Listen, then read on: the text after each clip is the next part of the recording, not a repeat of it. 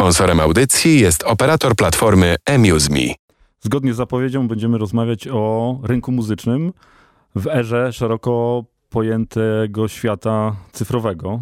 E, naszymi gośćmi są Jan Eismont, prezes e-muzyka SA. Cześć. Cześć, cześć, witam, witam słuchaczy Radio Campus. I Maciek Albigowski, brand manager platformy AmuseMe. Cześć. Cześć, siemanko i dzień dobry słuchaczom. Słuchajcie, no to jak to jest z tą muzyką e, w dzisiejszych czasach? Gdzie są pieniądze? Dlaczego pytanie, gdzie są pieniądze? Bo jeżeli spojrzelibyśmy sobie na to, co się działo e, na rynku muzycznym nawet 20 lat temu, no to ktoś, kto słuchał muzyki, e, mógł wydać pieniądze przede wszystkim na płyty, może trochę na koncerty, ale na co dzień kupowało się płyty. Dzisiaj, żeby słuchać muzyki, tak naprawdę, jeżeli ktoś się postara, to nie wyda ani grosza bo są możliwości słuchania muzyki w sieci bez wydawania ani grosza. No, oczywiście można też zakupić sobie e, subskrypcję jednego z serwisów streamingowych, wtedy wydamy jakieś pieniądze, ale stosunkowo jest to, umówmy się, koszt połowy jednej płyty w miesiącu. No to gdzie są pieniądze? Jak się no. zarabia na, na, na muzyce dzisiaj? Tak, odpowiadając na początku na, na, pierwsze pytanie, pieniądze są, są w rynku muzycznym. Żyjemy absolutnie jakby w, w, okresie, w okresie prosperity rynku, rynku muzycznego pierwszy raz od 99 y, roku, właśnie rok 2000, 2001 był pierwszym rokiem, kiedy, kiedy przychody globalnego rynku muzycznego przekroczyły ten poziom z 1990 roku. To, co, to o czym mówiłeś, że, że, że miała miejsce na przestrzeni tych ponad 20 lat transformacja cyfrowa i nośnik fizyczny odchodził powoli do lamusa, to powodowało y, malejące, malejące przychody właśnie z dystrybucji fizycznej nie były rekompensowane przez, przez e, wzrost przychodów z dystrybucji cyfrowej. Do tego dochodził problem, problem piractwa w internecie i różnych sieci peer-to-peer. Dopiero rok, e, rok 2015 okazał się taki przełomowy, że, e, że rynek muzyczny znowu zaczął systematycznie rosnąć. Były to wzrosty dość ograniczone, dosłownie jakby kilkuprocentowe ale wraz ze wzrostem bazy, bazy e, użytkowników serwisów streamingowych, zwłaszcza jednego dużego serwisu streamingowego, te, te wzrosty były coraz bardziej dynamiczne, aż, aż rok właśnie 2000, 2001 okazał się przełomowy. Nie dość właśnie, że te, te maleńce wpływy z dystrybucji fizycznej zostały jakby pokryte, to jeszcze jakby pojawiła się górka. Czyli tak naprawdę dopiero w zeszłym roku, pierwszy raz od 30 lat, bo powiedziałeś od roku 90, tak?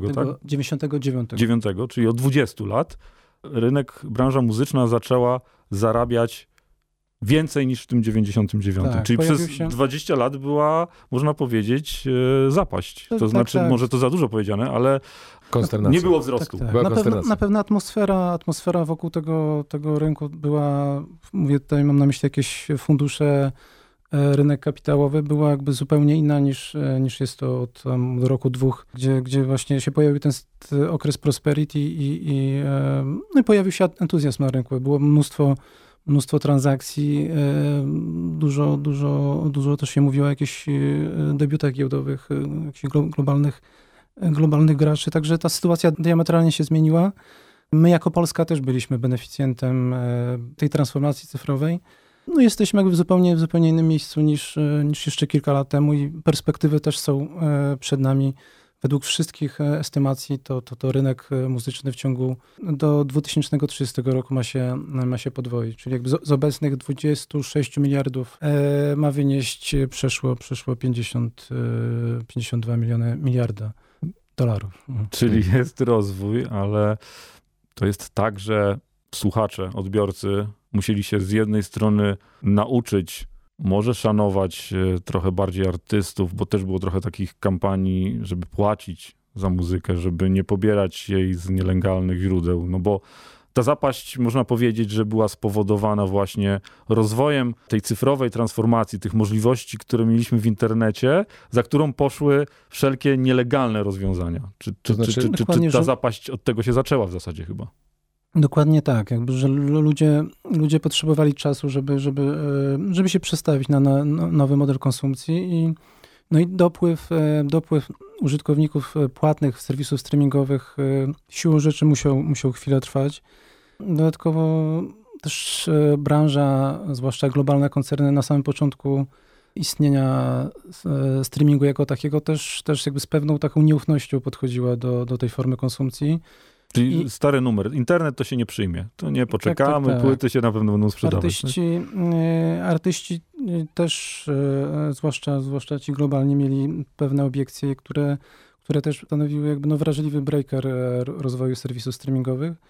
Dopiero wraz z napływem tej bazy subskrybentów, no i pojawienia się realnych e, pieniędzy subskrypcji, e, wiadomo, stosunek artystów czy, czy, czy, czy tych dużych wytwórni do, do, do streamingu się zmienił i no i też pewnie taka, pewnie taka transformacja jakby po, demograficzna, po, pokoleniowa, dopływ dużej bazy młodych, młodych ludzi otwartych na, na tą nową formę, formę konsumpcji, no spowodowała, że, że jesteśmy jakby w, w tym miejscu, w którym, w którym jesteśmy.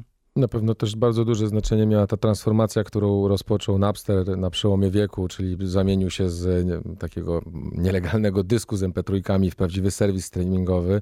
E, zapoczątkowała też pojawianie się na całym świecie, a w końcu i właśnie po 2010 roku takich firm w Polsce, które e, pomagają te nielegalne treści usuwać, monitorować, a potem usuwać, e, ewentualnie monetyzować co, co też e, zwiększyło dochód. Natomiast mm, ważnym elementem, e, ważną odpowiedzią na pytanie, gdzie są pieniądze, no jest to nie tylko model subskrypcyjny, ale też duże znaczenie ma to, że cały czas jednak odbywa się gdzieś w tle handel uwagą.